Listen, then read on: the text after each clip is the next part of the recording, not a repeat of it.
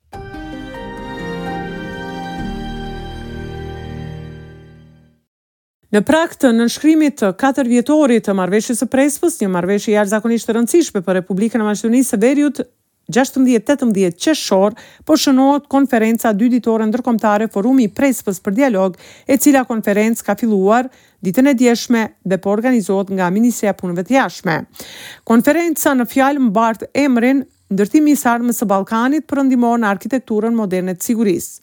Gjatë ditës së sotme, kryeministri Dimitar Kovaçevski ka hapur seancën me temë Gjashtëdhjetë e pesë vjet pas Traktatit të Romës, a është Europa plotësisht e rindërtuar dhe e integruar ekonomikisht? Në panel sesion përveç Kovaçevskit kanë marrë pjesë kryeministrja serbe Ana Brnabiç, sekretarja e përgjithshme e Këshillit të Bashkëpunimit Rajonal Majlinda Bregu, eksperti i ekonomisë nga Instituti Ndërkombëtar në Romë, Mateo Bonomi dhe shumë të tjerë. Me këtë rast ka dhënë deklaratën e tij edhe presidenti i shtetit Stevo Pendarovski. Ndjekim deklaratën. Të ketë formulim në kornizën e negociatave që do të thotë se kjo është kërkesa e fundit bullgare për këtë çështje. Ne nuk kemi asnjë problem me këtë.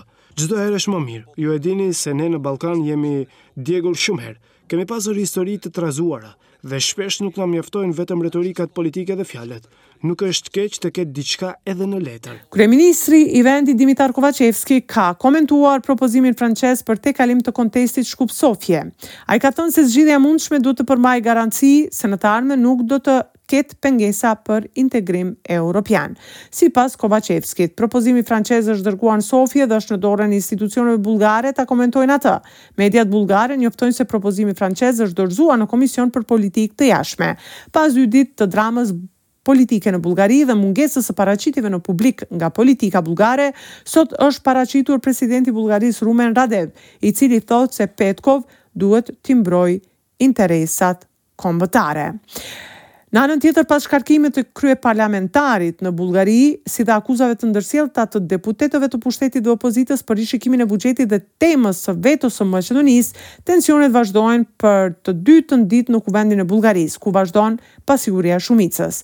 Përgjigja në pyetje do të dihet të mërkurën, kur pritet votëbesim ndaj qeverisë së Kiril Petkovit, por sipas gjitha gjasave dhe të dhënave matematikore, duket që do të bjerë qeveria. Gjithsej njëqind e pesëmbëdhjetë deputetë qëndrojnë prapa qeverisë, ndërkaq opozita ka njëqind e njëzet e pesë deputetë.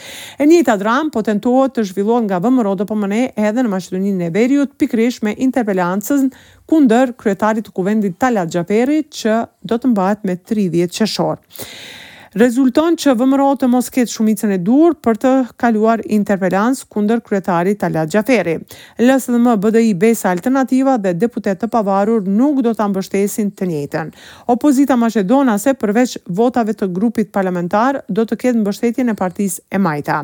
VMRO pretendon se çdo gjë e potencuar në kërkesë për interpelancë mund të dëshmohet me vepër. Për më tepër ndjekim deklaratën e tyre. Podnesena interpelacija sprema. Interpelanca është rezultati i shkeljeve të njëpasnjëshme të Rregullores së Kuvendit. Zhvillimet e fundit për të cilat opinioni është dëshmitar, u pa se si punohet në shtëpinë e demokracisë. Qasja e tyre në Komisionin për Mandate dhe mosmiratimi i rendit të ditës treguan se gjithçka që konstaton VMRO-DPMNE-ja në iniciativë ka dyshime të bazuara për shkelje të Rregullores dhe ligjeve. Aleanca për Shqiptarët ka shumë vërejtje ndaj punës së kryeparlamentarit Xhaferi, por akoma nuk ka qëndrim të prerë nëse do ta mbështesë interpelancën. Të them të drejtën si parti politike ne s'kemi marrë një vendim të tillë a do mbështesim ose jo, do shohim. Nga takimet të rëndësishme diplomatike duhet të cekim edhe atë të ministrit të Punëve të Jashtme të Kroacisë që ka vizituar Maqedoninë e Veriut gjatë kësaj jave.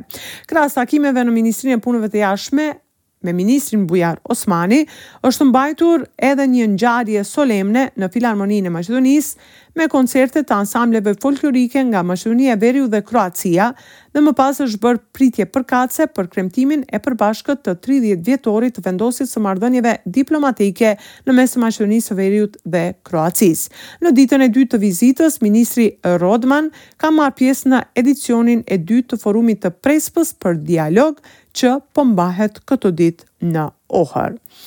E rëndësishme është të theksohet se të dielën kryeministri i vendit Dimitar Kovaçevski ka paralajmëruar takim me të gjithë krerët e partive politike në vend. Se çfarë do të bisedohet mbetet të shihet, megjithatë duket se do të ketë kontakte dhe kjo ka të bëjë me partitë që janë pjesë e parlamentit, por edhe atyre që janë pjesë e qeverisë. Qëllimi i takimit është që të bëhet një rikapitullim i zhvillimeve rreth krizës, si dhe të shqyrtohen masat dhe rishikimi i buxhetit. Do të flitet për krizën energjetike të shkaktuar nga lufta në Ukrainë, për standardin e qytetarëve dhe uljen e çmimeve. Do të rikonfirmohet qëndrim për zgjedhje të rregullta në vitin dy mijë e njëzet e katër, do të bisedohet për zhvillimet që ndërlidhen me Bullgarinë si dhe veton e mundshme që do të vë Republika jonë ndaj bullgarëve, ka thënë mes të tjerash kryeministri i vendit Kovaçevski.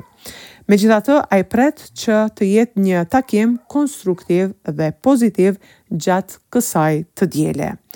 Për Radion SBS raporton nga Republika e Maqedonisë së Veriut, Besiana Mehmedi.